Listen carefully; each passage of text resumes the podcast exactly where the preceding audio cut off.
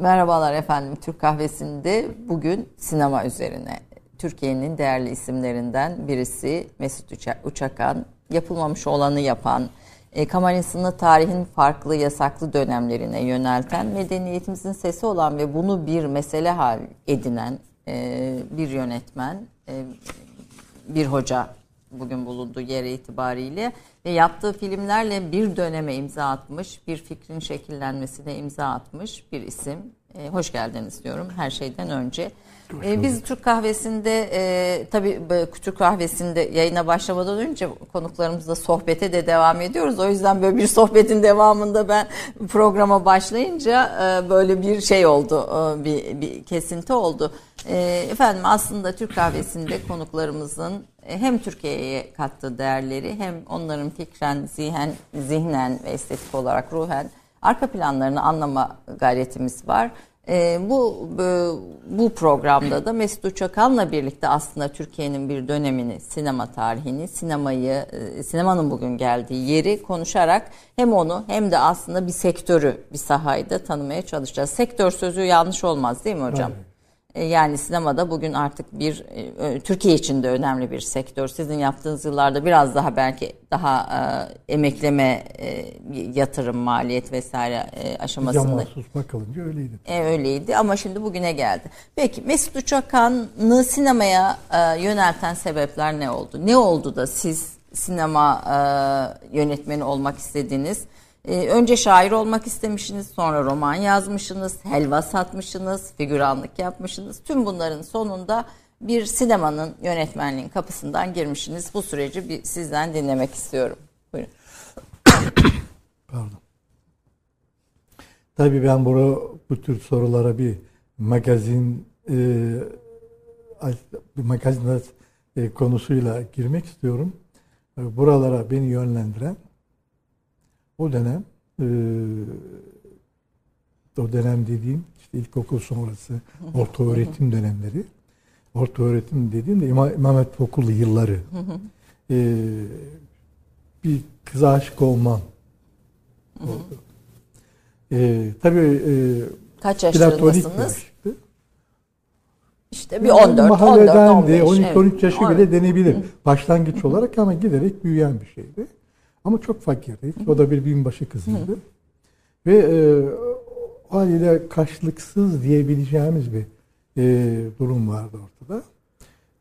O yani da, niye karşılıksız de, yani sonuçta hani sizin yoksul onun binbaşı kızı olması o dönemin koşulları içinde çok büyük bir sınıfsal ayrım mıydı o anlamda mı? O ayrımı o, o, o Kırıkkale'de e, tabii e, yaşanıyor bunlar. E, ciddi şekilde hissettiğimiz bir ortam vardı. Çünkü e, pantolonumuz yamalıydı. Ee, bir zeytin bile üç lokmada yerdik. Ee, daha neler neler. Ee, ve e, bu fakir olmanın getirdiği e, bir e, kompleks vardı. Hı. konuşma lisanımız bile sonradan kendi. İstanbul Türkçesine doğru evrildi. ama onların yaşantı biçimleri çok daha farklıydı. Yani gerçek bir sınıf farkı denebilecek bir ortam orada oluşmuştu. Şimdi e, bu neye yol açıyor? Bu sizin kendi işinizde korkunç bir komplekse, aşağılık kompleksine yol açıyor. Bu aşağılık kompleksinin geçmişe ve dönüp baktığım zaman beni olağanüstü şekilde motive ettiğini gör, görüyorum. Ben büyük olacağım, en büyük olacağım diye. E, Yönetmenlikte bu. Ha, çocukluk içerisinde de büyük adam olacağım derdim. E, büyük adam olacağım derken işte lastik ayakkabı giyerdik ve kafamda hep ben e, büyük adam ayakkabısı giyeceğim derdim. Onda da skarpinleri falan kastederdim yani. O kadar bir hırsım. Ama öyle bir hırstı ki bu okulun bile en büyüğü ben oldum.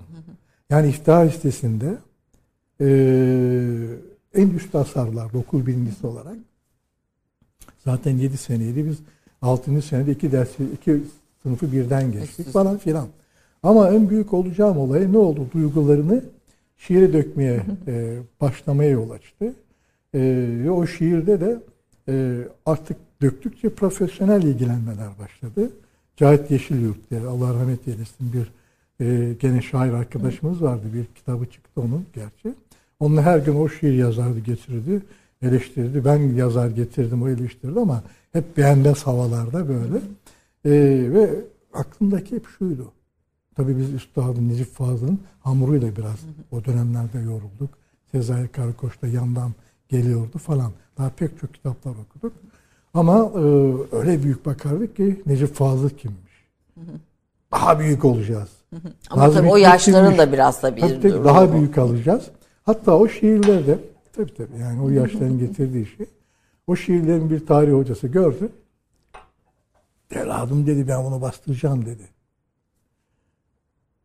O dönemde tabii televizyon yok. Onu diyeceğim. Bilmem neler yok. Öyle bir şeyin e, dijital e, Kütüphane falan şeyin. e, var. Tabii kütüphaneler var, kitap var. Kitap var. Ve dergi çıkarmak çok büyük olaydı. Kitap basmak büyük büyük olaydı. Yani o yaşlardaki bir çocuğun bir kişilik kitabının olması demek. Ne kadar büyük bir havaydı biliyor musunuz? Tabii biz İmam Hatip Okulu'nda olduğumuz için ev sevdiğim kız da ortaokuldaydı. Ee, hiç kız yoktu okulda. O çocuk, yaştaki çocuklarda müthiş bir böyle hatta bazılarımız giderdik şey, lisenin klasik lisenin önünde e, böyle ben beklerdim mesela. Ee, Geçecek, e, göreceğim, bir bakacağım. Göreceğim diye beklerdim ama işte az önceki sor- sorduğunuz e, sorunun bir cevabı da belki burada var. Fakat konuşmam ne mümkün? 10 adım geriden zor takip ederdim. Zangır zangır titrerdim yürürken. Ee, bir, bir ara işte ismi Tümay'dı. Tümay derken kendimi bile duymazdım korkudan, heyecandan. Böyle bir şey de haliyle yetişme tarzıyla alakalı bir şey. Biraz asosyal de belki bakılabilir olaya. Şimdi e, hali ne oldu? E, büyük bir havay diye bir kitabın olması. Buna rağmen dedim ki hayır hocam bastırmayacağım dedim. Evladım bütün parayı ben vereceğim dedi. Ne kadar güzel şiirler dedi. Hayır bastırmayacağım dedim. Neden dedi?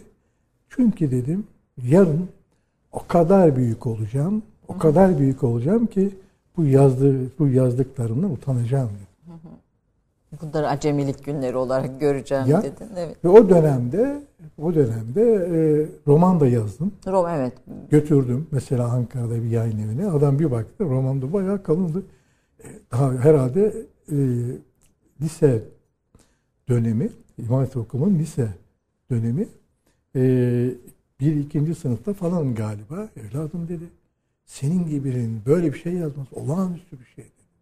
Müthiş bir şey. Devam et dedi. Fakat sakın yayınlama. Bunlar da ismini batırma dedi. Mükemmel ondan sonra falan. Her neyse şu sinemaya geleceğim. Bir de senaryo yazdığımı hatırlıyorum. O dönem Kazıklı seyrettiğiniz sinemalar herhalde vardı. çok var. Çok, tabii. Sürekli giderdik.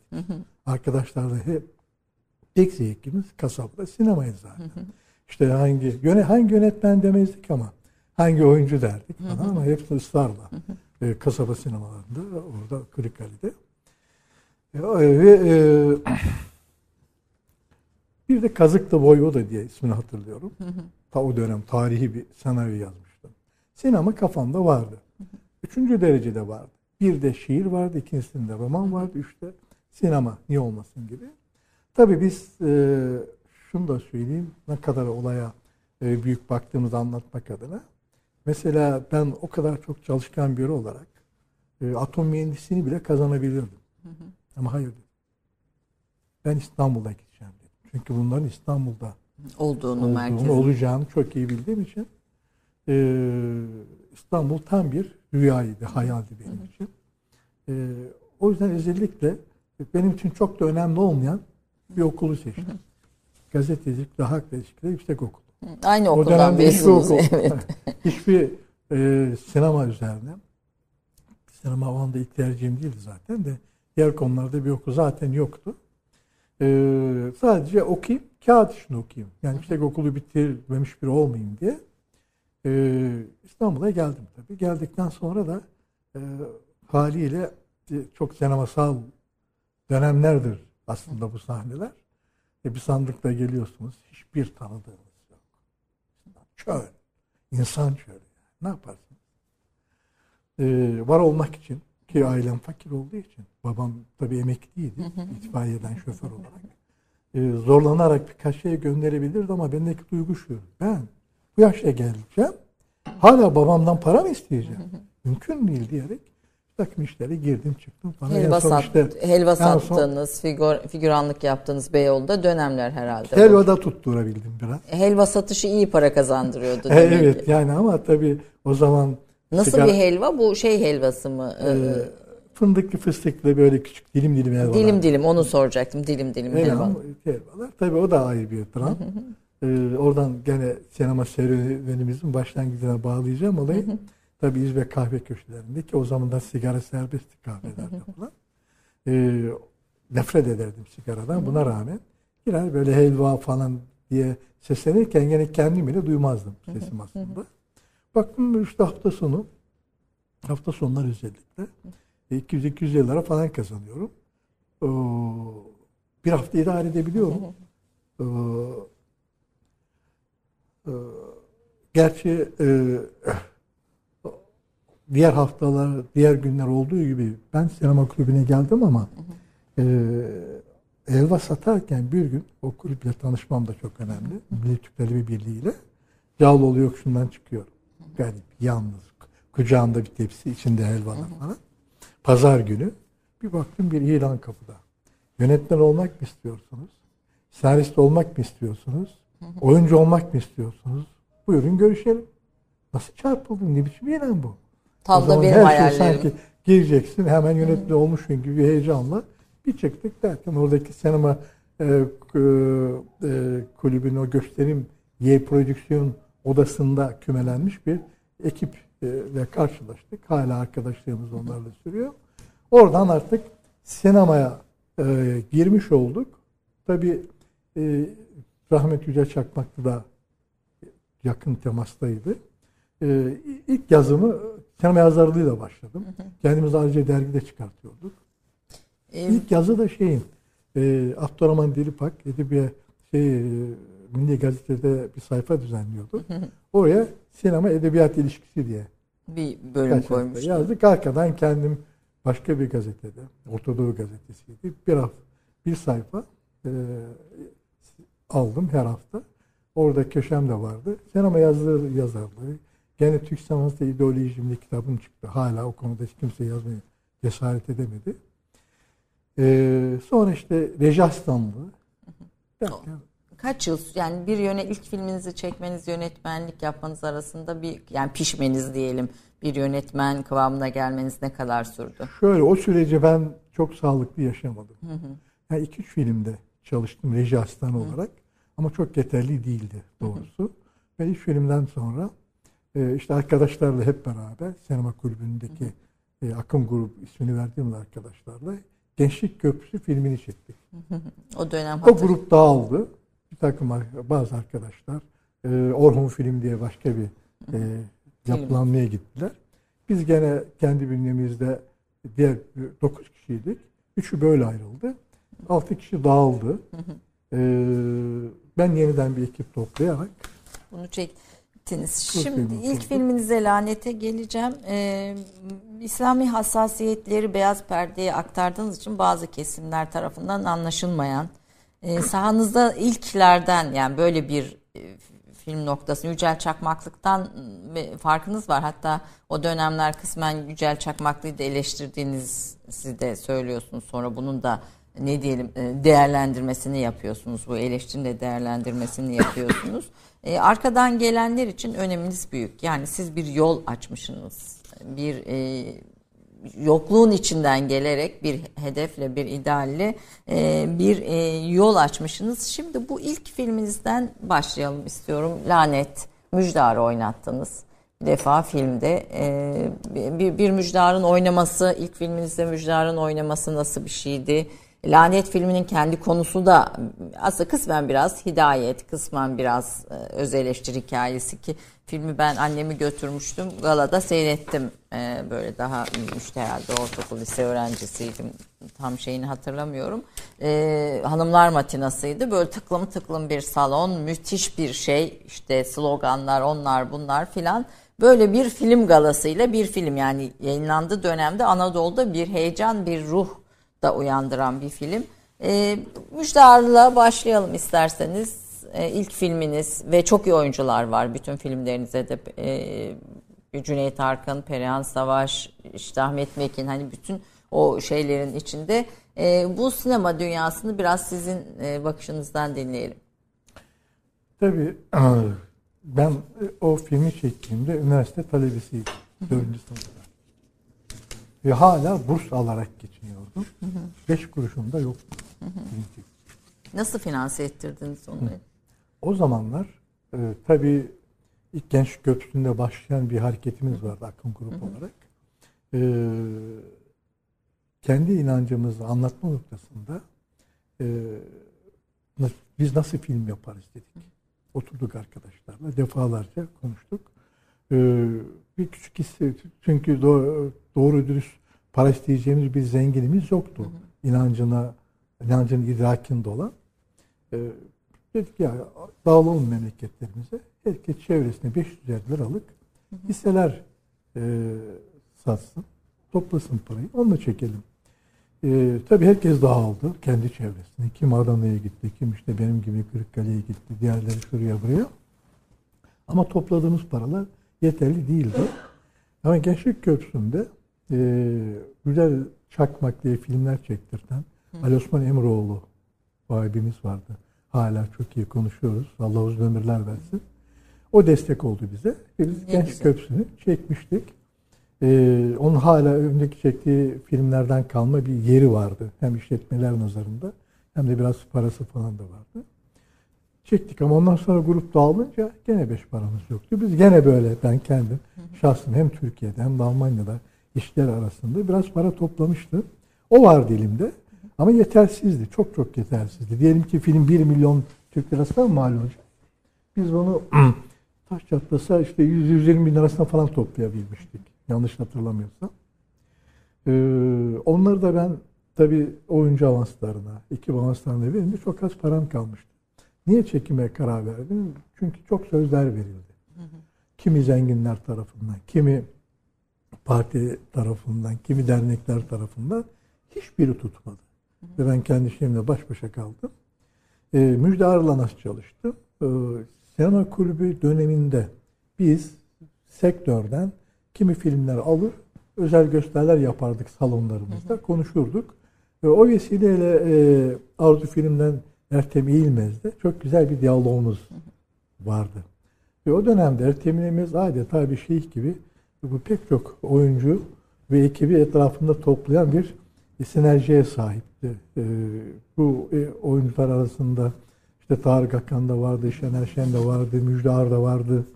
E, kimi yönetmenler de keza Yavuz Turgul onun asistanıdır. Evet. Ondan gelmedir falan. Aslında... Bir mektep gibi, bir okul gibi denebilir. Ama somuta dönüşmüş bir yaşama biçimleri vardı kendi etraflarında. Ee, onunla konuşurken ben filmi çekmeye karar verdiğimde abi dedim ben film çekeceğim dedim. Aa harika evladım dedi. Müjdar'ı oynatmak istiyorum dedim. Oynasın tabii niye oynamıyormuş falan dedi. E, Müjdar geldi. Yoksa e, gelmesi şey kabul etmiş. Ertem Eğilmez'in desteğiyle. yani kolay değildi açıkçası. E, dolayısıyla biz e, arka planında onca imkansızlıklarla o dönemin ultrastarı bir isimle çalışma imkanı bulduk. E, ve o dönemde çok sinemalarda yer buldu, izlendi. E, özel matinalar e, bildiğim kadarıyla. Yok şöyle e, tabii biz o da ayrı bir Türk sinemasının dramını, sıkıntısını veren bir süreçtir. E, o filmi vizyona sokmak istedim fakat o dönemde 5 e, işletme bölgesi vardı. En büyüğü Adana'ydı. İstanbul işletme bölgesini de e, 4-5 yapımcı kapatmıştı. Töz kurmuştu ve hiç kimse çektiği filmi vizyona sokamıyordu. Ben çok e, sıkıntılar çektim. Onlara kabul ettirene kadar. E, nihayet onlar kabul ettiler sonunda. Filmi vizyona soktuk ama o, o sanat sinemalarda benim filmim bu ara Anadolu işletmecilerine sattığım için orada oynayarak bir buçuk saatlik filmi e, yani 90 dakikalık film 80 dakika falan düşmüş, yıpranmıştı. Hı. Ve bunlara sinemaya koyarken adamlar e, benden garanti istediler. İşte Aksaray'da Aksaray sineması vardı. Çok en büyüğü evet. oydu. Dedi ki ben dedi bir hafta içerisinde bu filmden 250 bin kazanamazsam senden alırım dedi. Kabul ettim. İstanbul Taksim'de Venüs sineması vardı. Ben 100 bin isterim dedi. Kabul ettim. Büyük cesaret. Film iş yapmazsa şey diye. Buna rağmen filmi vizyona soktum. Ve ondan sonra hepsinin parasını verdiğim gibi 100 bin lirada kazanmış oldunuz. Kazandım. yani çok çılgın bir cesaret vardı. Ee, o filmi yaparken. Gerçekten de konusu itibariyle aslında bir ünlü Rus yazar Dostoyevski'nin romanından uyarlanan bir film. Delikanlı. Bir, evet bir vicdan azabının e, sonuçları. Yorumlar nasıl oldu? Bu sizin için tabii bir büyük bir başlangıç olmuş. Çok genç yaşta yani üniversite dördüncü sınıfta e, film çektiğiniz filmin bu kadar ilgi görmesi e, ve tarihe de bir dönüm olarak iz bırakması noktasında size etkisi nasıl oldu sonraki filmleri? Doğrusu onunla çıkmak istemezdim. Hı. Öyle bir filmde. E, nitekim kimse sadece çok özel olarak araştırmadan Lanet filminin farkında değil hı hı. şu anda. Bilmezdi, seyretmemiştir de. Neden? Çünkü çok öne çıkartmam. Hı hı. Niye bu kaygıyı e, duyuyorum? Acemi bir film, yeni bir film. E, biz fikir ve estetik olarak sinemayı anlamada, e, senaryo yazımını doğru anlamada çok tecrübesizdik. Her şeyi tırnağımızla, el yordamıyla öğrenmek konumunda idik. Piyasada biraz daha pişmem lazımdı. Yücel Çakmaklı mesela 52 e, filmde asistanlık yapmış biridir. Ben iki üç filmle hemen yönetmenliğe geçtim. Asistanlık çalışmasıyla yönetmenliğe geçtim. E, o dönemde bizim okuyabileceğimiz ciddi manada bir sinema okulu da yoktu. Sadece önümüzde birkaç tercüme e, kitaplar vardı. Andrei Bazi'nin bilmem neyin Orson Welles'inden bahseden, e, kimi e, Potemkin zırhlısından söz eden. Bir de Sinematek Derneği'nin kendi özel çalışmaları vardı. E, dolayısıyla sinema dili konusunda çok fazla bir şeyimiz, yetkinliğimiz yoktu. E, o filmde tabii çıktığımız zaman e, senaryoda da çok boşluklar vardı. E, ama tabii senaryoyu mükemmele dönüştürme süreci de çok yaşamadık. Aslında çalışsak olabilirdi. E, neden? Çünkü o filmin parasını bulmak zorundaydık. Prodüksiyonunu karşılamak Tabii zorundaydık. Senaryodan çok fazla yapımcıydık maalesef. Hı yönetmenlikten çok fazla yapımcı olmak konumundaydık. Reis Bey'de de böyle kez ama Reis Bey'de çok büyük bir başarı var tabii. E, şimdi dolayısıyla sonuç olarak e, yer yer çok başarılı çalışmaları olan ama bütün olarak başaramamış ve başaramamış bir film var. Şimdi film vizyona girdiği zaman Halit Refi e, Milliyet gazetesinde sinema yazıları yazıyordu, değerlendirdi. Hı hı. Benim o filmden önce de Türk sinemasında ideoloji kitabım çıkmıştı. Milli sinemayı, ulusal sinemayı, Marksist sinemayı irdeleyen bir kitaptı. Araştır, ciddi bir araştırmaydı o. Uçakan'ın filmine saygıyla gittim. Ama ilk film olarak çok acemilikleri olan bir filmdi. Hakikaten çok saygı duyulacak bir değerlendirme yapıyor. Olması gereken de bu. Ama Atilla Dorsay yazdı. Uçakan hiçbir zaman film çekemez gibi çok ağır laflarla beni bayağı eleştirdi. E, siteniz... Fakat onun background'u var. Onu anlatmam lazım. Niye Buyurun. böyle yazıyor diye. E, kim yerlerde bahsediyorum. E, Atilla Dorsay, Memle Yücel Çakmak'tan Memleket filmiyle ilgili Cumhuriyet gazetesinde müthiş bir övgü yazısı yazdı. Dört dörtlük plastik olgunlukla diye. Cumhuriyet, e, şey pardon, bu o Memleketin filmi de Avrupa'da işte Tarık Akkan'la Filiz Akın oynadı. Ee, karşılaşan iki genci, birbirine dünya olarak çok zıt olan iki genci e, bilinçlenmesini anlatıyor güya. Ve e, orada kıza işte tarihi yerleri gösteriyor. İşte biz bir zamanlar böyleydi falan gibi vaaz dolu bir film yani. Ama filmin getiriyor tabi e, Kemalist bir mantıkla Cumhuriyet'te bir yere dayıyor. Bu dört dörtlük plastik olgunlukta diye yazınca Ali Habbi Özgen Türk, o da iyi bir ünlü bir yönetmen oldu sonradan. Birikim dergisinde bana yazı cevap yazdı. Sen ne hakla bu kadar faşist, bu kadar böyle şeyle propaganda dolu olan filmi böyle nitelersin diye. Bir ay sonraki Birikim dergisinde de Atilla Dorsey ona cevap verdi. Ya bunu ben de biliyorum dedi. Biraz anlaşlı olun dedi. Yüce Şapmaklı bize en iyi çekilebilecek isimlerden biri dedi. Bu kadar net cevaplar verdi. Ben de bunu Türk sinemasında ideoloji kitabıma yazdım. Bu, Dolayısıyla bu tür eleştirilerden ben kişiselleştirilmiş şey, nefret ediyorum. Çok da örneklerini verebilirim. Şimdi tabii bütün bunlar ve sizin yaptığınız sinemanın anlaşılması için o dönemin koşullarında bilinmesi gerekiyor. Yani sonuçta her yazar gibi her e, yönetmen de kendi döneminin e, çatışmalarını, kendi dönemin kavgalarının içinden çıkıyor. Yani sizin ortaya çıktığınız bu filmleri yaptığınız dönem Türkiye'de sağ sol çatışmalarının çok keskin yaşandığı, insanların işte sağcı solcu diye keskin ayrıldı ve birbirini öldürmeye hak bulduğu, işte bir sosyalist devrim Türkiye'de yapmanın e, özleminin yaşandığı, işte diğer tarafın yok biz sosyalist devrim yaptırmayacağız e, diyerek onlara bariyer olmaya e, çalıştıklarını düşündükleri bir dönem.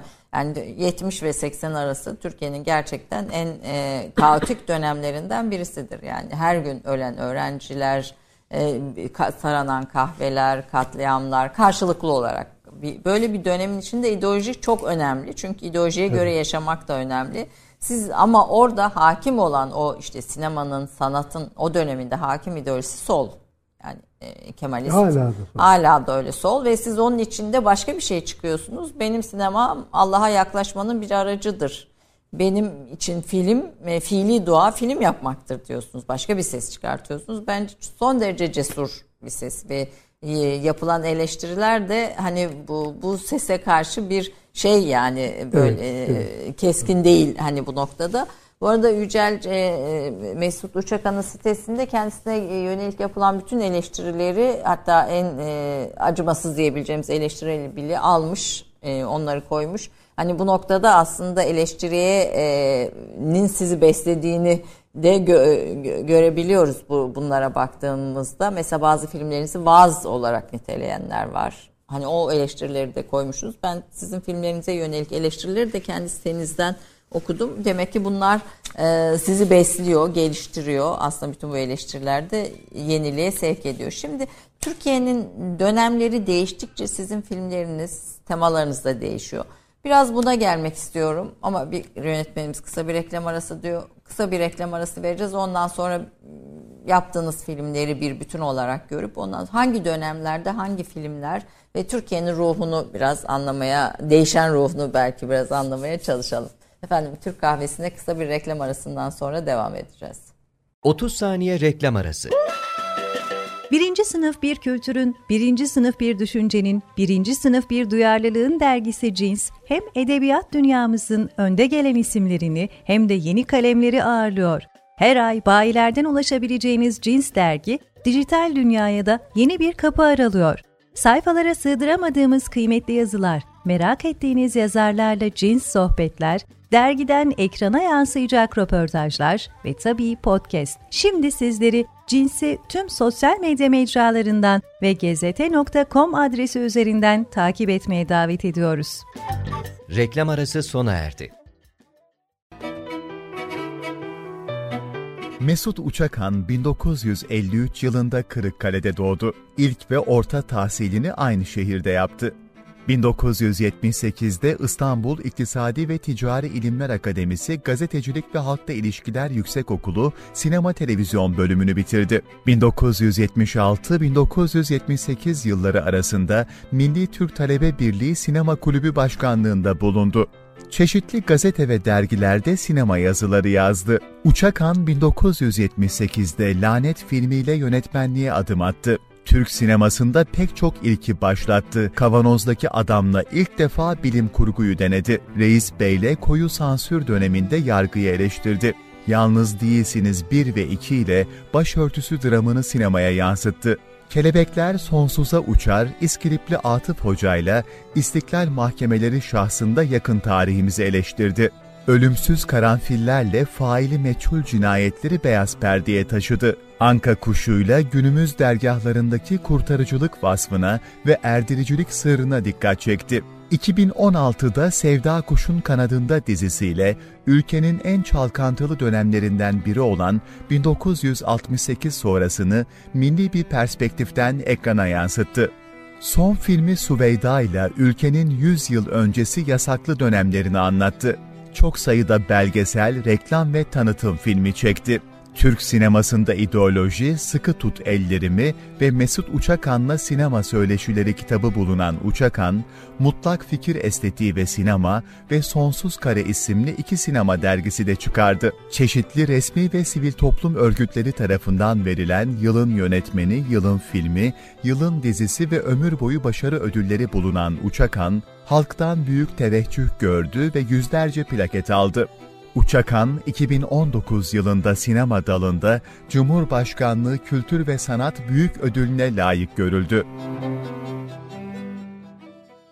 E, aldığınız ödüllere baktığımda Türkiye'de e, dini kesimlerin diyelim, din hassasiyeti olan kesimlerin yok sayıldığı dönemlerde önemli ödüller almışsınız. Yani bir, bir e, fikrin e, öncülüğünü yaparak bayraktarlığını, sinema sektöründe, kültürde bayraktarlığını yapmanızın da size e, o dönemin içinde büyük bir sempati, büyük bir e, yöneliş getirdiğini de söylemek gerekir. Yani ödüllerin çoğu aslında o dönemlerde, yasaklı olunan dönemlerde. Şimdi bir milli sinema var mı yok mu tartışması hep Türkiye'de de yapılır. Ya da milli sinema olmalı mı olmamalı mı diye. Siz diyorsunuz ki milli sinema kavramını kullandığınız zaman çuvallıyorsunuz. O dil o zamandı. İşte beyaz sinema, İslami sinema, irfani sinema, Müslümanca sinema, rüya sineması, gibi bir sürü kavram kullanılıyor ve bu yoldan devam eden gençler de var.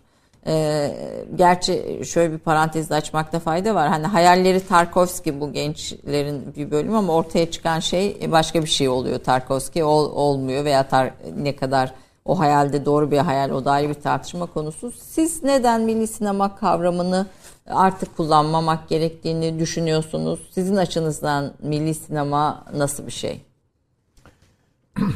evet. Şimdi milli sinema e, çıktığı vakit çok önemli ve gerekliydi. Çünkü toplumun o, o sinema kültürü içerisinde e, o kültüre çok uzak olan bir toplumun e, artık mücadelesini göstermesi bakımından bir kavramla ortaya çıkması gerekiyordu. Bunu da ilk başına Yücel Çakmaklı oldu Arhan Hem yazılarında hem filmlerinde. Ee, ama tabii e, çok değişken bir kavramdı. Çok tartışıldı. Kimisi dedi ülkücü sinemadır. Kimisi daha kozmopolit, ülke sınırları, sınırları içerisinde çekilen her film millidir kardeşim gibi yorumlara kadar gittiler. Ee, ama ben şunu hissettim o zaman. Tabii daha sonra milli sinema kavramına bir beyaz sinema kavramı daha girdi. Biraz tutar gibi gözüktü. Değişik, değişik kişiler tarafından da işte irfani sinema, rahmetli Ayşe Şasan'ın deyimiyle bir de rüya sineması e, gibi tabirler çıktı. Ama e, bu yaklaşımlarla e, bir yönetmenin hareket etmesi bana çok doğru gelmedi. Kavramlarla hareket etmesi doğru gelmedi. Çünkü o dönemde herkes bir kavram ortaya atarak biraz da kendini bahsettirmek istiyordu. Öyle psikoz hissettim. Yönetmen filmiyle konuşur. Yani sözüyle, lafıyla değil. Bir de çok önemli olan bir şey var. E, ben milli sinema kavramını çok yetersiz gördüm. Çok kozmopolit planda bir kavrayıcılık içerisine düştüğü zaman daha özel manada hem o az önce sözünü ettiğiniz e, siyasal çatışmaların e, psikolojisi içerisinde ne çekiniyoruz, ne korkuyoruz ki dedim. Çünkü toplumda bunu açıkça söylemek büyük cesaret istiyordu. E, İslam dedim. Yani bizim inancımız İslam'ı hakim kılma. İnancımızı hakim kılma çabasıdır. Sinemada da bunun biz araçlar içerisindeyiz diye. Fakat bunu beraberinde tabi yaptığımız e, bu sefer İslamcı sinema, İslamcı sinemacı gibi ithamlara maruz kaldı. Çok tehlikeliydi. Hiçbir zaman bu tür e, şucu bucu kavramlarla yürüyemeyiz. İslami sinema dense de tehlikeli. Çünkü milli sinema da desek, beyaz sinema da desek, İslami sinema da bilmem ne de desek ortada bir şey vardı. Sen çok iddialı bir düşünce için, fikir için ortaya çıkıyorsun. İnancının sinemanı, sinemasını yapmaya çalışıyorsun. Ama mevcut ortamlar, mevcut şartlar buna imkan vermiyor. Çünkü inancının kırmızı çizgileri var. Bunu uzun uzun konuşacak Yani burada şeyler. sadece ortam değil, kendi inancının da sınırları tabii, tabii, var yani. Kesinlikle. O, tabii oradan hareket ederek yürüdüğünüz zaman inancının sınırları var. Mesela bir kadın unsuru ne kadar kullanılabilir? Müsteşenlik nereye kadar olur ya da olmaz? e, kötüyü göstereyim, göstereyim derken e, bilakis kötülük yapabilirsiniz. Duyguları harekete geçirerek olumsuz manada. Bu sinemanın kadim bir tartışması galiba bir parantez olarak mesela İran'da da bir dönem hala da çok tartışılan İran sinemasında konulardan birisiydi. Ben bir dönem e, İran'a gittiğimde sanırım 97'de bir belgesel çerçevesinde öyle bir tartışmanın içine düşmüştüm. E, oynarken başı e, kadın başını açmalı mı aile içi rollerde oynarken onun gereği işte e, ni yapmalı mı tartışması da sinemanın içinde canlı bir tartışmaydı. Bizim için de geçerli tabii bu sinema dediğinizde bizim için de geçerli bu tartışmalar. Hayır, tabii hem geçerli o dönem heyecanı içerisinde biz normal bir televizyon kanalı kurulduğu vakit spikerin bile başörtülü olup olmaması hakkında tartışmalar yapıyorduk. Şimdi orada e, o heyecanı duyduğunuz zaman siz inancınıza göre şekillendirmek gibi yaptığınız iş kesinlikle onunla örtüşmüyordu. Çünkü Gençlik Köprüsü filminde mesela bir kokteyl sahnesinde Itresen'in bir kıyafeti vardı. Aman Allah mümkün değil ki şimdi onu e, o şekilde görüntüleyebilelim. E, o zaman biz mevcut o, yaptığımız işin e, kendi inancımızın sineması diye takdim etmek e, gibi tehlikesi ortaya çıkıyordu. Çok tehlikeliydi. İnancınız bu şeklinde e, sorulara yol açabilirdi. Ben reddettim. Biz dedim ki bu o, biz ne İslami sinema yapıyoruz, ne İslami sinema yapıyoruz, ne milli sinema yapıyoruz. Biz sadece inancımızı e, mümkün olduğu kadar dışa vurmaya çalışıyoruz. Direkt ya da endirekt. Yani estetik kalıplar içerisinde. Ve e, bu bizim Mukadder Başeyimizin bir tabiriydi. Hoşuma gider. E, biz bir gübreyiz. Bizim üzerimizden çiçekler çıkacak diyorduk. Biz, biz bir ara nesiliz diyorduk. Bu yüzden bu kavramlara çok girmek istemedim. Çünkü büyük iddia taşıyor bu kavramlar. E, çünkü yani inancını şekillendirdiği bir ortamda değilsiniz yani. Evet. E, haliyle daha farklı çarpık bir ortamda mücadele ediyorsunuz. Ama, ama şöyle diyelim muhafazakar kesimde kalıp sinema yapmak kolay bir şey mi? E, ciddi manada zor. Çünkü neden? Birincisi bu kırmızı e, çizgilere dikkat eden bir seyirci karşınıza çıkıyor. Hı. Mesela e, Anne ya da Leyla filminde 2004 yılında çekmişti. E, sadece İstiklal Caddesi'ndeki e, o kalabalığa birkaç kare görüntü atmıştım. Hı hı. E, bir dakika görüntü yönetmeni demiştim biraz da belden çek, omuzdan çek hı falan. O görüntüleri koydum. Dizden çek dedim mesela. Ama onu bile sahnede gören, perdede gören kimi seyirciler hocam bunları bize nasıl gösterirsin dediler. İrrite oldular. Yani rahatsız oldular. Öyle bir seyirci kitlesinde film yapmak konumundasınız. Ama Hayır daha da çok e, filminiz vizyona girdiği zaman zerre kadar o tür endişelere ihtiyaç hissetmeyen bir kitleye e, hissettirmeden propaganda yapar gözükmeden yani propaganda e, algısına ama. Ha, onu da ayrıca konuşmak lazım. Yani propaganda meselesinin bir sınırı vardır. E, tabii, tabii ki düşüncenizi dikletmek propagandadır.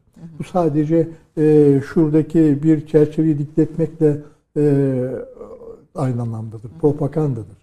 Ama siz bunu sinemanın kendi estetik kodları içerisinde yapabiliyorsanız, sinema yapıyorsanız bu doğal hakkınızdır. Yani herkes propaganda yapıyor bu anlamda. Hiçbir propaganda yapmıyor dediğiniz Nur Bilge Ceylan bile yapıyor. Diğerleri de yapıyor. Ee, ama sinemanın kodlarının çok öne hakkını verdiğiniz zaman bu o, propaganda olmaz. Biz zaman zaman bunu başardık. Zaman zaman başaramadık. Mesela e, Kelebekler Sonrası Uçağı filminde. Benim en büyük mesele buydu. Neydi? Ben bir imamı el alıyorum. Bir müderrisi el alıyorum. Ve orada bu bizzat inancını e, yüzünden mağdur ediliyor, idam ediliyor. O, o dönemlerde tabii en ufak şekilde İslam'la veya dinle alakalı bir şey kurduğunuz, kurduğunuz zaman hemen propaganda diye mahkum edildiği bir dönem. Ama öyle verdim ki ben o kadar da ağır laflar geliyor ki o filmde imam. Çünkü kendini savunuyor. Doğal bir şey. O doğallığı yakaladık biz. İslam dairesinde ancak böyle girilebilir gibi cümleleri var yani. Ama hiç kimse bu bunu bu şekilde e, propaganda gibi algılamadı. Filmde çok sevdi, çok takdir etti, çok övdü. Hatta Atilla Dorsay'ı bile övdü. Yani At Atilla Dorsay burada galiba kritik bir şey, kritik bir isim. Şimdi e, yani film ne kadar propagandadır, ne kadar değildir tartışması bir, bir iletişimin şey temel tartışmalarından birisi ama E, siz bir inancı ve bir fikri anlatmak için film yapıyorsunuz. O, o bizim olmazsa olmazımız. Dolayısıyla daha temelde hikayeleri kurarken bizim e, tipleri şekillendirmede, olayları şekillendirmede böyle cümlelerimiz hazır hale geliyor. O, bu doğallığa aykırı, aykırı düşebilir film yaparken. Yani bizim tehlikeli tarafımız o. Çünkü söyleyeceğimiz şeyler var. E, daha e, romantik tarafıyla söyleyeyim. allah Teala bir aşk vermiş. E, bir takım sırlar vermiş. Onlara, insanlara anlatmak için çıldırıyorsunuz yani.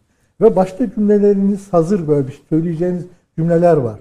Ama diğer yönetmenlerin çoğu da o cümleleri kendinde kurmadığı için o rahatlıkla e, söyleyeceği cümleleri kurmadığı için doğallık adına e, çok daha objektif olduğunu görebiliyorsunuz. Sizi etkileyen yönetmenler de, kimler hocam?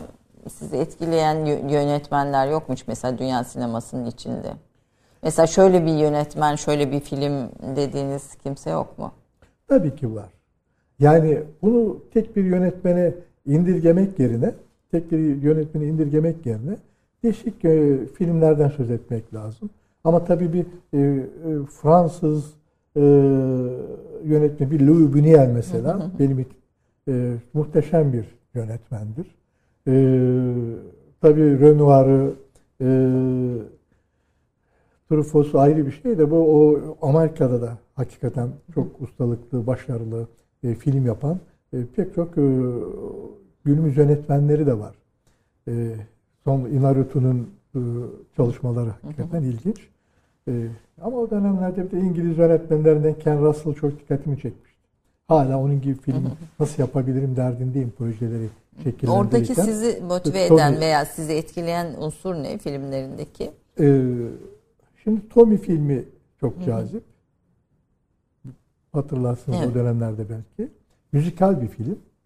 Ee, o filmde tabii cümlesini daha başta kurmuş benim gibi ama anlatım biçimi olarak sinemanın estetik kodlarıyla ve sembollerle mükemmel şekilde bunu gerçekleştirmiş bir yönetmen var. Haliyle düşünce olarak e, kendi benim gibi metafizik sancıları olan ve e, evrenin sırrına kafa patlatan yönetmenler e, etkiliyor. E, Tarkovski malum bu tarafıyla e, bizim yönetmenlerimiz çok etkilemiş isimlerden biri. Haliyle biz de bazı filmlerinden o şekilde e, etkilendik ama doğrusu o, o kadar değil. Ben Tarkovski'nin o kadar abartılı büyütülmesinde biraz da karşıyım açıkçası. Siz daha bir popüler evet. yani şeye hitap eden filmle filmlerinizde bu temalar da var. Yani belki üslubunuz, tarzınız itibarıyla da e, bir, bir popüler tarafta da bir şey buluyor. Yani popüler kültürün e, de de örtüşen şeyleri var filmlerinde. Yani Tarkovski filmleri tamamen sanat için o e, yapılmış sanat o temalı filmler. Sizde sanat kadar toplumda karşılık bulması da o filmin sanki kaygı olarak görülüyor gibi bir e, izlenime kapıldım. Ya şöyle söyleyelim yani bu tür niteleme onu da ben de farklı yerlere savurabilir. Yani Tarkovski sanat filmi şeklinde. Hayır Tarkovski düşüncesini o şekilde anlatmış. E, anlatmanın en güzel yolunu bulmuş. Ya bunun için de sanat yapayım diye değil de yani halka gitmek adına. Çünkü Rus toplumunun da belli entelektüel e, kesimini hedef alarak yapmış. Seçkin bir toplumdur ve bilinçli bir toplumdur önemli ölçüde. E, ama bu sanat ayrımı ve halk tipi film yapma ayrımı bizim bizler e, Türklere mahsus bir olay. Burada e, bizim ya önceki dönemlerde yaptığımız filmlerde, klasik anlatımlarda hem kurgusuyla, görüntüsüyle, oyun gücüyle, sinema diliyle, planlamasıyla e, ciddi şekilde 24 ayar diyebileceğimiz işler yapılırdı.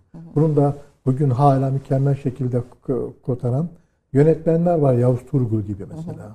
Ama halk da büyük ilgi görürdü, gösterirdi bu filmlere. Hem gişede başarılı olurlardı hem estetik şeylerde. Ama ondan sonra akademik filmler yapılmaya başlandı, bağımsız filmler. Hı.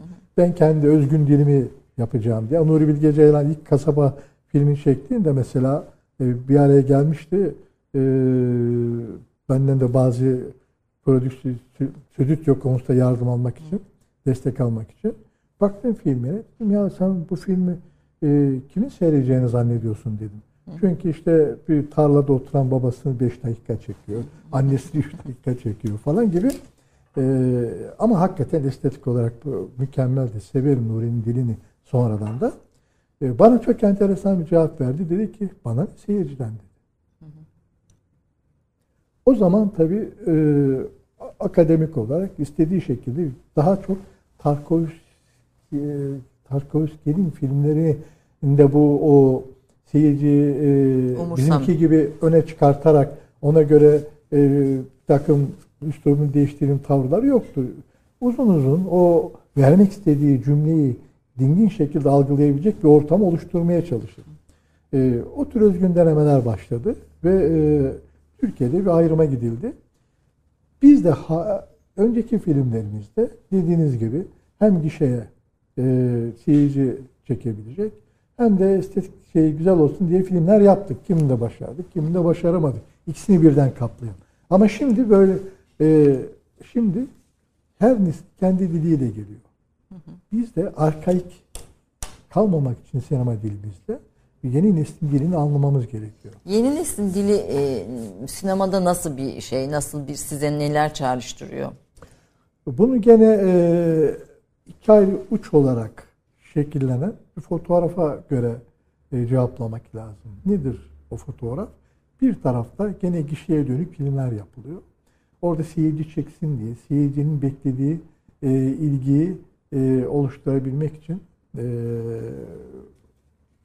kaçınılmaz uygulamaları var bu tür e, sinemanın. Nedir? Çok gerilimli olacak. Çok melodramik olacak. Yani kahkahası bol olacak gibi kriterleri seyirciyi koltuğa bağlamaya çalışır. Ama buna rağmen yani şiddet falan da kullanır gereğinde hem Batı sinemasında hem Türk sinemasında gene çok iyi örnekleri olan filmler var. Hem bunu yapan ama e, az önce sözünü ettiğim gibi e, meselesi de olan. Ha, meselesi de olan, yani sosyal meselesi de olan ama sadece o değildir estetik kalite. Nedir estetik kalite? Çerçeveleme, çerçevelemedir, planlamadır, e, kurgudur, oyuncu e, oyunudur, gücüdür. O gücü mükemmel taşıyan örnekler var. Fakat bir de tabii gençlerde, günümüzdeki gençlerde az gene az önce sözünü ettik. Akademik e, çalışmalara özgün denemeler var. O denemelerin çoğu aslında hep yeni gençlerde bilhassa taklide dayanıyor. Uzun müddet mesela e, bir Nuri Bilge çıktı uzak filmiyle e, diğer filmlerde büyük ödüller aldı. E, 400-500 tane Nuri Bilge çıktı arkasından yani. Kendi özgün sinema dilini şöyle yakalayabilen çok az e, yönetmen var bugün. O da Türkiye'nin estetik namusunu oluşturma çerçevesinde e, önemli. Onları yadırgıyor yani diyelim taklit, ama. Tabii tabii taklitler bir dönem sonra özgünlüğe de dönüşecektir. Yani, dolayısıyla yani, ben, ben ne yapıyorum? Ona bakmamız gerekiyor. İki e, e, aykırı yürüyüş içerisinde ben ikisini nasıl meczedebilirim diye düşünüyorum. Yani son filminde bunu yaptım. Yani son filmi Süveyda. Süveyda. Süveyda'da. Şimdi iki aykırı yol sinemanın kendine göre bir, bir tarafı var. Son derece özgürlükçü diyeceğim. Çılgın, sınırları aşan ve zorlayan bir tarafı var. Yani çünkü şey sorgulamak, işte görüntü dili, estetik filan girdiğinizde tüm tabuları, tüm dogmaları yok eden bir tarafı var. Ama diğer taraftan da sizin kendi sınırlarınız var. Dogmalarınız var, inanç dünyanız var, kültürünüz var filan. Bu ikisini paralel götürmek bir yönetmen için nasıl bir e, ortam, duygu hali oluşturuyor açıkçası? Tabii yani e, sizin hem e, seyirci profilini dikkate alarak ee, Ve bir taraftan da ticari kaygısı var işin yani sonuçta. Hem, hem tabii ticari, şey, gişesi var, finansı var vesairesi. Tabii tabii. O sorunlar ayrı bir şey. Hepsi bizim üzerinde düşüyor maalesef. Hı. Ama bir yönetmen olarak sinema dilinde kurmaya çalışan bir yönetmen olarak tehlikelerden e, biri şu. E, dışarıdaki e, hedef kitlenizi belirlemeniz lazım. Hı. Bu halk mı, seçkinci bir kitle mi? Ona göre anlatım biçimleriniz şekillenebiliyor e, siz ikisini yakalayabilecek iddiada iseniz işiniz çok daha zorlaşıyor. Çünkü ikisi ayrı yönlere koşan atlar gibi. Algıları farklı, yaklaşım biçimleri farklı, farklı. Algı düzeyleri bilhassa çok önemli. Ee, bir de az önce sözünü ettiğiniz çok önemli bir şey fikir olarak sizin kendi iç inancınızdan kaynaklanan kırmızı çizgileri de koruyarak yürümeniz lazım. Ee, biçim olarak, içerik olarak hakikaten sizi kuşatan bir böyle e, bir cendera var. Onun içerisinde kendi dilinizi kurmanız gerekiyor. Bu, bu, bu da bir hali sancılı ve zahmetli bir şey Kesinlikle. dışarıdan bakıldığında. E, oyuncular mesela e, oy, oynamak ben bu filmde filan diyebiliyorlar her senaryoların içinde elbette. Sizin için oyuncu oyuncuları yönetmek filan bunların getirdiği zorluklar oldu mu yani bu, bu yaklaşımla? Filminizde tabii e, biraz arka planda politik bir konu söz konusuysa çekiniyorlar. Herkes Köpeği kabul etmeyenler var. Kabul... Kelebekler Sonsuz Uçar filmini mesela.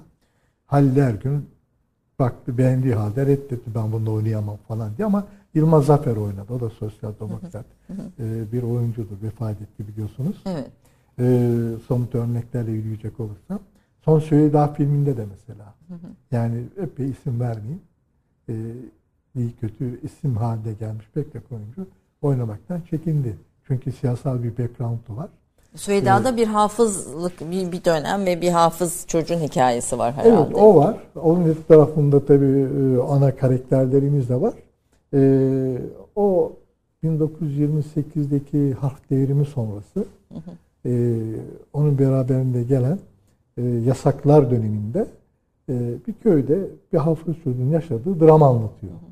Ve onun kendi çocuk dünyası içerisinde işte okuduğu ayet kelimelerden hareketle kuş dili öğrenme çabalarını, beyaz bir güvercin e, metaforu içi ya e, bir e, metafizik e, aleme doğru sürükleniş falan anlatıyoruz ama arka planı hiç dokunulmamış, gene yakın dönem e, büyük baskılarla toplum biçimlendirmeye dönük yapılan e, devrimleri bir noktada sorgulayan, eleştiren e, bir bakış açısı olduğu için tabii cesaret istiyor oynamakta. Yani. Yayına girmedi Süveyda hayır, herhalde. Hayır, daha henüz görücüye çıkmadı. Yani. Görücüye çıkmadı. Bakalım merakla e, be, bekliyoruz. E, yönetmenim kısa bir reklam arası diyor. Bir o reklam arasına girmeden sizin e, tüm filmlerinizin içinde dizi dizi de var. Televizyona da yapıyorsunuz. E, en böyle göz bebeğim dediğiniz film hangisidir? Şimdi tabii e, bir gün hangi yönetmendi o?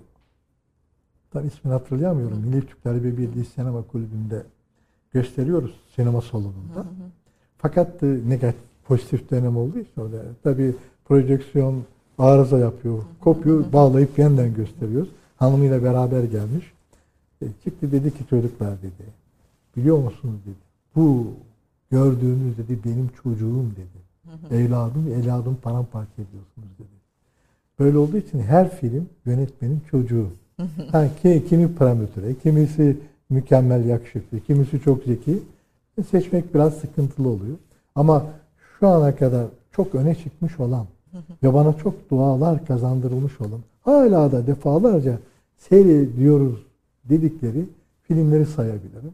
Kelebekler Sonsuz Uçar. İskilipli Atıf Hoca'nın. İskilipli Hoca. Reis Bey. Reis Bey'de bir yargı sistemini anlattınız. Bir yargı, bir dönemi yargı anlayışını tabii Eleştirdim. eleştirdiniz. E, bunlar dönem açısından da son derece cesur aslında temalar. Çünkü bunların da yasak olduğu bir dönem içinde. Hiç sansür vesaire benzer yasaklamalarla karşılaştırdınız mı bu filmlerde? E, tabii ki mesela e, e, Kelebekler Sonsuz Uçar'da o tehlike vardı. Hı hı. Bir etapta korktum. Anlatamadım. 1992 yılında çekecektim. Ee, ortam biraz rahatladığı zaman çektim. Ee, ama o kadar ustalıkla anlatmalıydım ki ve çok o kadar da sanatsal kodları mükemmel kotarmalıydım ki bir şey diyemesinler diye. Hakikaten çok fazla bir şey diyen olmadı. Sadece e, bu 12 Eylül şeyden pardon 28 Şubat'tan sonra e, orada bir yönetim döneminde. E, yasayı e, o filmi göstermiş olan Kanal 7'ye hı hı. bir gün kapatma cezası geldi. O gün de dediler 28 Şubat olacak dediler. Hı hı. Ben de o Böyle dönemde şey çalışıyordum kanalda evet. Yani bir de Yalnız Değilsiniz filmini e, çok patlı, patlamış. Yani çok patlamış derken çok ilgi görmüş. Birinci sayfalara, e, ana sayfalarda yer verilen bir olay olarak takdim edilen filmdi çok ilgi görmüştü e, haber olarak. Onun Başörtüsü ilk sorunu. galasını yapacaktık biz İstanbul'da. Hatta herkese davetiye de dağıtmıştık. Fakat işte Kültür Bakanlığı'nda e, sansür var. Sansüre gönderdik onu. Ve sansür reddetti. O filmin Galası da olacak. Onun Ne- üzerine e, ne yapalım dedik ve oturduk. E, şey Turgut Özal rahmetli baştaydı. Onun danışmanı e, Cumali e, Ünal Hasan Nebioğlu vardı arkadaş. Dedim ki eğer dedim bu filmi geçirmezseniz dedim yazarlar birliğini diğer dernekleri de o- o- arama alacağım ve basın bildirisi yapacağım. Bunlar başörtüsü dramına bile müsaade anlatımına bile müsaade etmiyorlar gibi e, bir takım e, yer böyle tehdit şeylerle üst kurul toplandı. iki gün içerisinde mümkün değil toplamak. Üst kurul dediğiniz genel e, Kurmay Bakanlığı, İşleri Bakanlığı'ndan e, hep böyle şey, kritik yerlerden gelen kişiler olur verdiler ve Geç. Ee, 28 Şubat'ta sinemadan 8 yıllık bir kopuş yaşıyorsunuz. Daha sonra e, 2004'te İstanbul, Otel İstanbul filmiyle tekrar geri dönüyorsunuz. Ee, ondan sonra biraz dizileri konuşalım. Televizyon dizileri, Netflix'i. Mesela işte bir başkadır. e, bu sıralar çok e, hani konuşuluyor. Başörtü sorunu deyince ona başka bir farklı bir bakış. Bu konuda yorumlarınızı da doğrusu merak ediyorum ama bir reklam arası. Reklam arasından sonra e, yönetmen Mesut Uçakan'la söyleşimize kaldığımız yerden devam edeceğiz. 30 saniye reklam arası. Türkiye'nin tek haftalık haber dergisi Gerçek Hayat, gündemi yakından takip ettiği dosya ve röportajlarıyla her pazartesi okuyucusuyla satış bayilerinin raflarında buluşuyor. Gerçek Hayat artık sayfalardan dijitale taşıyor. Sayfalara sığmayan yazılar, röportajların perde arkası, interaktif içerikler. Gerçek Hayat artık size daha yakın. Tüm içeriklerden ilk haberdar olmak istiyorum diyenler. Gerçek Hayat, GZT'nin sosyal medya hesaplarına davet ediyor. Reklam arası sona erdi. Efendim konumuz yönetmen olunca kendi çerçevesine de bakıyor. Kamera çerçevesine biraz önce kameramanlarımıza çerçeve tamam mı diyor. Tabii biz burada rahat ediyoruz. Sinemanın o estetik dili kaygılarımız yok. Onun için rahat oturabilirsiniz Ee, di- diyorum efendim. Tabii kısmen e, bu arada. E, Yalnız Değilsiniz filmini kaldığımız yerden devam etmek istiyorum. Bu arada hep aslında sinemayı konuşuyoruz hayatınızı. Yani kendi özel hayatınıza ilişkin işte e, çocuklar, evlatlar, torunlar filan bunları hiç konuşmadık. Yani bir sinema yönetmenin hayatının çok kolay olmadığını tahmin ediyorum aile yaşantısı itibariyle de. E, biraz bunlardan da söz edelim isterim. Ee, yani e, hamdolsun Rabbim çok güzel çocuklar verdi bana. Ee, Kaç ama çocuk? Dikkat eder. Beş çocuğum. Beş çocuk o maşallah torun. Ee, dört torunum var. Dört torun o e, aralarında böyle kıdem e, sevilme şeyi var mı kız erkek e, torunlar arasında? Yok. Yani her biri, Hepsi. e, her, her biri e, farklı. e, Sizin çocuklardan yani. sizin yolunuzu takip eden var mı? Yok. Onların hiçbiri özellikle e, ilgilenmedi. Ben de özellikle ilgilensinler diye çalışmadım. Çünkü ben bu yolda çok zor olan bir patikaya girmiştim. E, bilinçli olarak ve orada yürümek istiyordum. Bunun bir ahlaki e, boyutu var malum. Bir inanç mücadelesi boyutu var. Dışınızda hep çok farklı renklerde, zevklerde, duygular, düşüncelerde bir kitle var. Onlar arasında yürümek o kadar kolay değil. Ee, ben istemedim gitsinler diye. Onlar da özel olarak aman aman e, baba işte ben işte yönetmen olacağım. Yani olmadı. Bir ara bir oyuncu e, çocuğu e, erkek evladımı bir filmin bir sahnesinde e, oynamak istedi merakla. Tamam dedim. Geç bakalım. Fakat çekim anında e, yapamadığı vakit benden yediği zılgıtlar yüzünden bir daha sinemaya dönüp de şeyine bakamadı yani. En çok acımasız insan kendi çocuğun oluyor Aynen muhtemelen öyle. öyle bir şeyde ortamda. E, ve dolayısıyla e, onun dışında kendi yollarını çizdiler. Ne, ne güzel. Ee, filmlerden sonra diziler, televizyon dizileri bir rağbet aldı. Siz de çok güzel diziler yaptınız. İşte en son Sevda Kuş'un kanadında izledik. Sonra da bir Netflix, başka bir mecra. Yani televizyon ve kurumsal yapılanmanın dışında e, daha bambaşka bir çok büyük tabii finans çevrelerinde e, içinde olduğu bir mecra çıktı. E, televizyon dizilerin içinde de taklit formatlar, işte Kore formatları filan. Hani şu an için en çok izlenen dizilere baktığımızda bunlar gündemde. Biraz bunlar konusundaki görüşlerinizi almak isterim. Daha sonra da Netflix ile ilgili çünkü Türkiye'nin kendi dijital platformunu kurması gerektiğini söylüyorsunuz. E, tabii onun öncesinde reklam öncesinde de söyledim. Bu yalnız değilsiniz. Başörtü sorununu anlatan, Türkiye'de başörtü meselesini anlatan bir filmdi kendi dönem içinde yine cesur filmlerden birisiydi. E, ve çok da bu konuda fazla film de yapılmadı aslında. E, yani basma kalıp klişe şeylerin dışında e, sizin yaptığınız şekilde çerçeveleyen bir film de yapılmadı. Şimdi bir Netflix dizisi bir başkadırla birlikte bu konuda gündemimizde tekrar bu konu konuşulması da bu üçünü böyle bir seri olarak dinlemek istiyorum sizden. Buyurun. Şimdi tabii e, dizi artık günümüzdeki e, toplum yapımıza hakim olan bir yönlendirici eylem hüviyetinde. Dünyasını dolduran e, bir iş. Ben dizi sektöründe uzun müddet uzak kaldım. Kalma sebebim de gene çok idealist düşüncelerden dolayı. Hakikaten e, geçmişe dönüp baktığınızda müthiş bir idealizm tavrını görürsünüz yaptıklarımızda. Nedir mesela? İnancımızı e, çizgilerin dikkate alarak e, hem fikri planda hem de estetik planda pek çok direktifi reddettik biz. Kolay değil bu bir misyon çerçevesinde yürümek, bir duruş şekillendirmek kolay değil. Yani bu e, kendi doğal yaşantımızın bir yansıması zaten sorun olarak. Dizi sektöründeki red, red sebebim de şeydi benim. Sinemadaki it, estetik iddiam kaybolur diye. Çünkü dizi çok hızlı, çok tempolu e, bir çalışma gerektiriyor. Bizim bir buçuk e, ayda, iki ayda çektiğimiz 90 dakika yerine siz iki, iki buçuk saatlik bir öyküyü beş günde çekmek zorundasınız. Yani orada her şey ölür. Evet. Çok şey ölür. Veremezsiniz. Bununla ilgili pek çok böyle e, ilginç e, örnekler verebilirim ama yan sokağa dalmış olmayalım. Burada uzak kaldım ama bir yerden sonra artık diziye girmekte zorundasınız. Sektör çünkü diziler etrafına dönmeye başladı. Nitekim e, sağ olsun bu TRT'deki arkadaşların da e, e, yakın ilgisiyle e, birkaç dizi çekme imkanımız oldu. Çekmek derken tabii gene yönetmen olarak işin başındaydım ben. Kimine tam hakim olabildim, kimine tam hakim olamadım şartlardan dolayı.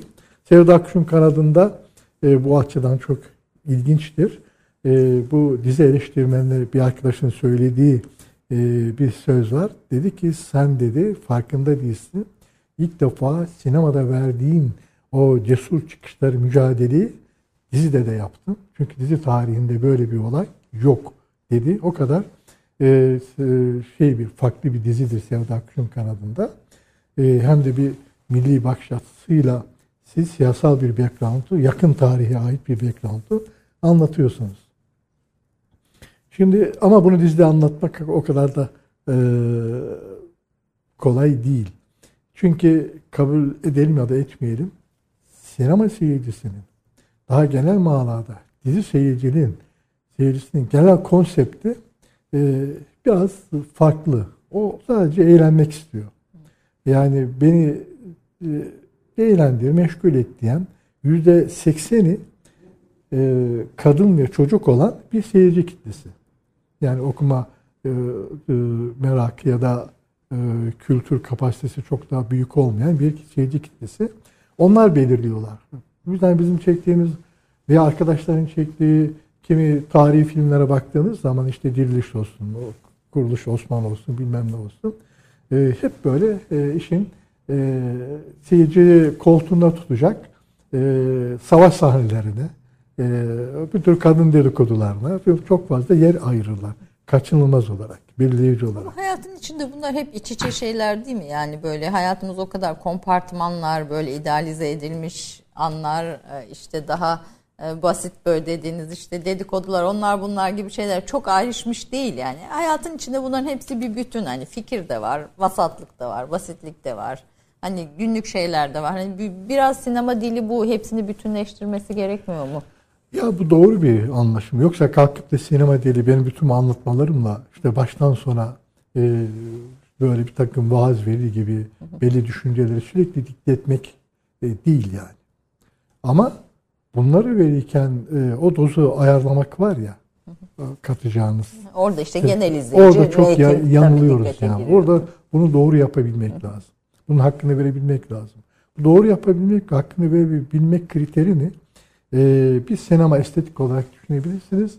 Bir de inanç boyutunda düşünebilirsiniz. Yani orada attığınız o şeylerle e, hesap vereceğiniz şuurun da Müslüman bir sinemacı göz ardı etmemesi lazım. E, bunun detaya dalmış evet. olacağız. Oraya girmeyelim. Fakat yani hakikat evet. ne kadar sinemada e, tecelli eder, ha. hakikat duyarlılığı sinemada ne kadar tecelli eder, ne kadar karşılık bulur ayrı bir konu tabii. Ayrı hani yani konu. bugün bu, bu programın süresini aşan bir, bir konu. Ee, peki bu sizin e, Sevda Kuş'un kanadına özgün bir senaryoydu zaten. Tabii, özgün bir işti. Evet. Ama şimdi bu Kore formatlarından aparılan diyeceğim veya onlardan alıntılanan veya taklit edilen senaryolar için fikriniz ne? Mesela Oscar'a giden bir filmimiz var e, Türkiye'yi temsilen. O, o da bir Kore formatı aslında sonuçta hikaye Türk elbette e, adapte ediliyor ama bunlara ilişkin fikirlerinizi de bir dinlemek şimdi, isterim. Evet şimdi oraya girmeden ben şu ayrıntıyı özellikle belirtmek isterim. Hiçbir filminde hiçbir filmden e, aparma bir şey yapmak gibi bir düşünce aklıma gelmiş değil 40 küsur yıllık mücadelemde. Hepsi de son derece orijinaldir. Buna çok önem veririm. Ama Türk sinemasının ve televizyonun geneline baktığınız zaman uygulamaların çoğu hep yabancı film ve dizilerden alma konular. Özellikle giderler, alırlar, izlerler, seyrederler. Ee, bir de tabii Türkiye'ye e, malum yakın zamanda e, büyük bir Kore e, sermayesi giriş yaptı. Öyle mi? Dağıtım tabii dağıtım e, kanalları kurdu. E, ve e, orada sinemada çok büyük bir yer var. Onlar e, na etkisiyle. Ama bizim genelde e, filmcilerimizin konu üretmede hep kendilerini dışarıda yapılan filmler ve dizilere bakmalarından dolayı bu tür işler çok oluyor. Çok olduğu zaman da e, kalkıp da tabii bu niye dışarıda diye e, bir Oscar e, adaylığı meselesinde e, bu kadar büyük ilgi görmüş hem Türkiye'de hem dışarıda olağanüstü ilgi çekmiş e, bir filme tepki göstermek çok da akıllıca gelmiyor bana. E, neden? Çünkü e, e, burada özgün olmak değil mesele görebildiğim kadarıyla. E, öyküler beynelmineldir. Öyküler ondan esinlenirsiniz, bundan alırsınız veya başka türlü konular söz konusu olabilir. Mesela onu verirken başarabilmektir. Doğru yani, aktarmak. Kalitede, evet. kaliteden fazla ödün vermeden e, ve halkın ilgisini çekebilecek düzeyde başarabilmektir. E, yedinci Koğuş'taki Mucize filmi söz konusu konuşmalarımız içerisinde haliyle ee, bu yüzden bu öyküsünden dolayı aparma bir şey konu gibi algılanması, onun öne çıkartılması, bu kadar öne çıkartılması, e, o başarı karşısında çok haklı bir gerekçe olarak gelmiyor bana yani. E, bu yüzden filmin kalitesi çok önemli. O, tamam bunu Koreli çekmiş ama ben almışım onu. Çok muhteşem bir yere sürüklemişim. Tekim Kore'nin orijinal e, öyküsündeki anlatıdan bu kadar güçlü anlatıma sahip değil. Yani bu kadar ilgi görmedi yani. E, her fikirde, düşüncede, öyküde herkes birbiriyle istifade eder. O düzlemde baktığınız zaman. E, ama kare kare olduğu zaman bu işte çok bir kopya konumuna girer. Kare kare bu kare kare olduğu zaman. Bu zannediyorum reddedenlerin endişeleri de Çoğu sahneler hemen hemen aynı. Aynı ona, evet benzerlik ona ama sonuçta yine benzer, de özgün bir iş çıkmıştır. Ama özgün yerli bir iş var çünkü. E, Netflix yani. e, platformunun sinemayı nasıl etkileyeceğini düşünüyorsunuz? Şimdi e, bu tür bu tür dijital platformlar Türk sinemasının hemen hemen geleceği anlamına e, geliyor. O dijital teknoloji artık e, seyirciyle şey yüzde getiriyor haliyle yapımcıları. E, YouTube'da mesela her yapımcı çektiğini direkt olarak seyirciye ulaştırabilir. Ama e, herkes bunu dikkat çekebilecek ayrıca reklamasyonunu daha başka şeyler yapamadığı için e, burada da haliyle büyük sermayeler e, işin içerisine girerek gene bir dağıtım türüstü oluşturmaya başlıyorlar. Netflix böyle bir türüst denebilir son tahlilde.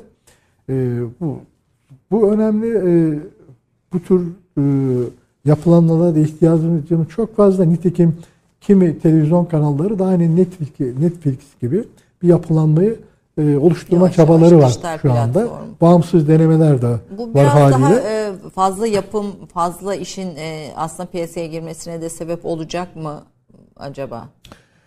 Bunu söylemek henüz biraz erken. Çünkü Türk sinemasında bugün yüz küsür film çekiliyor. Özellikle Kültür Bakanlığı'nın destekleri çerçevesinde yeni filmlerini çeken çok fazla e, genç İnsan yönetmenler var, var kişiler var. E, Netflix'in bu kadar çok sayıda yapımcıyı e, desteklemesi veya Blue TV'nin şimdi Acun da bu tür bir yapılanma içerisinde e, bir dijital dağıtım yapılanması içerisinde bu kadar besleyici konuma gelebilirler mi? Gelirler. Yani kapalı salon sinemacılığı yok olmaz da o tür dağıtımlar yok olmaz da daha e, e, marjinal kalırlar diye düşünüyorum zaman içerisinde. Ayrı bir zevk olarak kalırlar ama e, Türk sinemasının ve dünya sinemasının geleceğini kaçınılmaz olarak bu Netflix türü yapılanmalar e, hakim olacak. Nitekim pandemi olayda bunu mahkum ediyor. Evet. Son 5 dakikamız e, Türk sinemasını meseleleri olarak gördüğünüz bir başkadırla ilgili de başörtüsü meselesiyle ilgili bir yorumunuz vardı Twitter'da. E, rahmet nazarından yoksun demiştiniz. E, ona da ilişkinde kısa bir yorumda bulunmak ister misiniz? Yani film ilk bakıldığı zaman sadece anlatım biçimi e, hakikaten e, çok çarpıcı, orijinal. E, oradaki benim e, en çok ilgimi çeken e, yönetmen olarak e, işin hoş tarafı şu. E, sanatsal ağırlıkta diyebileceğim e, özgün bir anlatım dili ile bir dizi başarabilmek kolay değil. Çünkü dizinin anlatım biçimi çok farklıdır. Yani e, yapay müziklerle, e, kısa planlarla seyirciyi ambal eder sürükleyebilmek için. Ama bunun hiç öyle bir endişesi yok. Sanki bir festivale gönderilmiş. Ciddi bir akademik çalışma gibi duruyor bir tarafıyla. Ama el aldığı e, konular, tiplerle e, o kadar olayı akıcı hale gelmiş ki anlatım biçimiyle. O çok dikkate değer, ilgilenmesi e, gereken bir konu. Ama şey tartışılabilir tabii. Yani Türkiye'nin, Türk toplumunun genel fotoğrafını çerçeveleyen bir takım tipler yerleştirmişler. El alış biçimiyle, bazı sahneleri canlandırmalarıyla e, açıkça görüyorsunuz ki bir e, sol kafanın yani şey çağdaş değil. batıcı bir kafanın e, bu kesimleri anlamaya dönük kendi dünyasında objektif davranma çabaları var. Var ama bizi rahmani bir bakıştan yoksun olduğu için ortaya çıkarttığı filmdeki çarpıklıkları göremiyor. Yani yamuklukları göremiyor. Ee, yanlış vurgulamaları göremiyor. Ee, Müslüman e, başı örtülü kızlar da hep böyle kenar mahalle e, şey içerisinde, atmosferi içerisinde altta kalan bastırılmış kitleli olarak Şimdi tabii şey Türk, geliyor. Türk sinemasının daha önce de klişeleri vardı. İşte imamlar için bir klişesi vardı. İşte dindar insanlar için klişeler vardı. Siz filmlerinizde bu klişeleri yıktınız, değiştirdiniz. Yani farklı e, karakterize ederek onları farklı konumlandırarak filmlerin içinde bunları yıkan yönetmenlerden birisiniz. Yol açan yönetmenlerden birisiniz. Belki bu konuda da e, o klişeleri e, yıkan, toplumun birbirine karşı bakışındaki ön yargıları yıkan filmler ortaya çıkar e, sizden diye umut ediyorum bu bakış açısıyla. Çok da az bir süremiz kaldı. Şunu merak ediyorum ama mesela Karşı Mahallenin filmini yapmak e, bizim çok tecrübe ettiğimiz bir şey değil. Yani çok Yani belki sizin filmlerinizde yer yer sahnelerde bunu çok görüyoruz. Karşı tarafı da anlamaya çalışan, karşı tarafın bakış açısını da anlamaya çalışan sahneleri ama e, yine de sanki herkes kendi mahallesinin içinde kalarak e, sinemayı üretiyor ve bu da bir sinemada ortak dilin ortaya çıkmasına engel oluyor gibi bir tespite katılır mısınız? Onun şimdi karşı mahallenin bir filmi yapmak cümlesi çok gerçekçi olmaz ama karşı mahallenin eserlerini bizim çekmemiz çok orijinal kaçar. Yani ben bir Selim İderi'den uyarlayabilmeliyim. Biraz tam da karşı mahalle örneği olmadı gerçi ama e, bu tür e, onlar da bizim dünyamızı anlatabilmeli. E, fakat e, burada e, Türk toplumunun gene hala egemen kültürün baskısı içerisinde ele alındığı zaman e, hemen yobaz damgasını e, yiyebileceğiniz baskılar var. O baskılar içerisinde bir yönetmenin e, özgürce kendi meselesini anlatamayacağı kanaatindeyim. Biz bir zamanlar mesela filmlerimizde şeyden de kaçındık. Cami göstermekten. Ya bir adamı göndermekten kaçındık. Hemen işte bak yobaz. Ancak bunu anlatır denmemesi için. Nitekim soldan birisi karşı mahalleden diyelim. Sol kelimesi çok gece geride kaldı ama artık kavramlar da birbirine biraz e, iri, irite eder hale geldi. Karşı mahalleden birisi e, bir cami gösterdiği zaman e, çok demokratik bir tavır gibi algılanıyor ya da kötüleniyor. E, şimdi e, bizim bu baskılardan kurtulmuş olmamız gerekiyor ama özellikle genç yönetmenlerde falan hala bu baskının olduğu kanaatindeyim ben. Bu yüzden özgün bir şey yapma e, ortamı bence bizim için hala var değil. Biz egemen kültürün e, buna ne derseniz deyin. Yani e, onlarca yıldır bizi yoğuran bir sistemin baskısı da diyebilirsiniz. Saf seküler yani, bakışın diyebiliriz Seküler belki. bir bakışın baskısı altında e, şekillendirilmiş bir seyirci e, kitlesi, bir entelektüel kitle var. E, biz hala o komplekslerde e, sıyrılamadık. Onlardan sıyrılmamız lazım. Peki Mesut Uçakan'ın var mıdır böyle karşı, bir ustalık filmi, ustalık projesi? Ve karşı mahalleyi doğru çizememe sebeplerimizden biri de çok önemli sebeplerin biri de onların normal hayatlarında var olan bah sahneleri çekemeyiz. Onların istediği gibi çekemeyiz. Bir başkadır yapabiliyor. Bir öpüşme sahnesine uzun uzun yer verebiliyor. Daha başka bir banyo yıkanma sahnesine yer verebiliyor. Ama bizim kırmızı çizgilerimiz de buna engel. Bunu da vurgulayayım bu ara. Ee, ustalık filmi olarak e, özellikle şu konu, şu senaryo demekten çok artık bundan sonra her yaptığım filmde ustalık e, çabalarımı gösterme derdindeyim. Süheyda'da e, nitekim çok farklı bir anlatımla, daha farklı, öncekilerden farklı bir anlatımla e, seyirci karşılaşacak, karşılaşacak diye bekliyorum yani. Peki çok teşekkür ediyorum. Ee, filmlerinizi, fikirlerinizi paylaştınız bizimle. Türk Kahvesi biraz böyle serbest salınımlı bir sohbet programı. O yüzden mümkün olduğu kadar sizin dünyanızdaki farklı yerlere değinmeye çalıştım. Ama bu senaryo meselesinin sonunda belki bir roman da gelir sizden diye düşünüyorum. O çok... Belki sinemanın sınırlarının daha da aşıldığı bir roman da gelebilir. Aslında onu çok istiyorum çünkü roman daha özgür bir hareket alanı sağlıyor. Ama işte hep zamansızlıktan çok yakınıyorum. Ben. Siz roman okur musunuz? Tabii okuyorum. Okuyorsunuz. Tabii. Var mıdır sevdiğiniz Hala. yazarlar? Ee, yani tabii ki var. Ee, tabii ki var. Ee, özellikle genç yazarlardan hakikaten çok güzel eserler çıkıyor. İşte son okuduğum bu Tarık Tufan'dan e, bir hayal meyal e, romanı vardı. Çok hoşuma gitti. Ee, Buradan da selam edelim kadar. Tarık Tufan'a. Ne güzel. evet bir genç yazarları da takip ediyorsunuz. Tabii tabii özellikle şey Tümden çok talebeniz var. Nitekim bize de bana da yazan çok insan var. İlkokulum Mesut Üçakan'dı sinemayı sevdiren ilk adımımızı attığımız yer diye.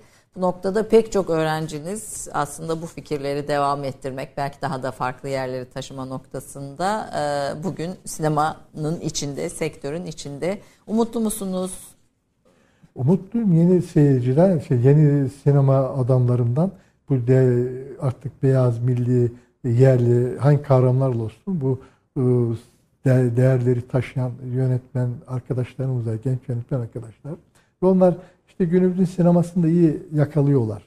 Biz her ne kadar adapte olmaya da çalışsak kafamızda oluşan belli kodları çok fazla e, aşamıyoruz ama onlar maşallah çok hoş şeyler de yapıyorlar. Büyük bir kitle de geliyor onu söyleyeyim. Gençlik liste geliyor. Bunu pek çok kısa film yarışmalarında görebiliyoruz yani. Kurmaca filmlerde e, görebiliyoruz. E, kaçınılmaz olarak da bu düşünce e, sadece sinemaya değil, Türkiye'de hakim olacak bir düşünce. Buna inancım büyük yani. Damgasını vuracak kültür e, alanında, sahasında e, tek tipliliği diyeyim, tek tipliliği değiştirecek e, diye düşünüyorsunuz. Efendim çok çok teşekkür ediyorum. Katıldınız, lütfettiniz. Efendim Türk Kahvesi'nde bugün biraz sinemadan, sinema dünyasından, Türkiye'deki sinema sektöründen ve bir meselesi olan ve bu meselesini sinema diliyle, sinemanın estetik diliyle anlatmaya çalışan bir yönetmenin dünyasından size akisler yansıtmaya çalıştık. E, haftaya bir başka konukta görüşmek üzere. Hoşçakalın diyorum.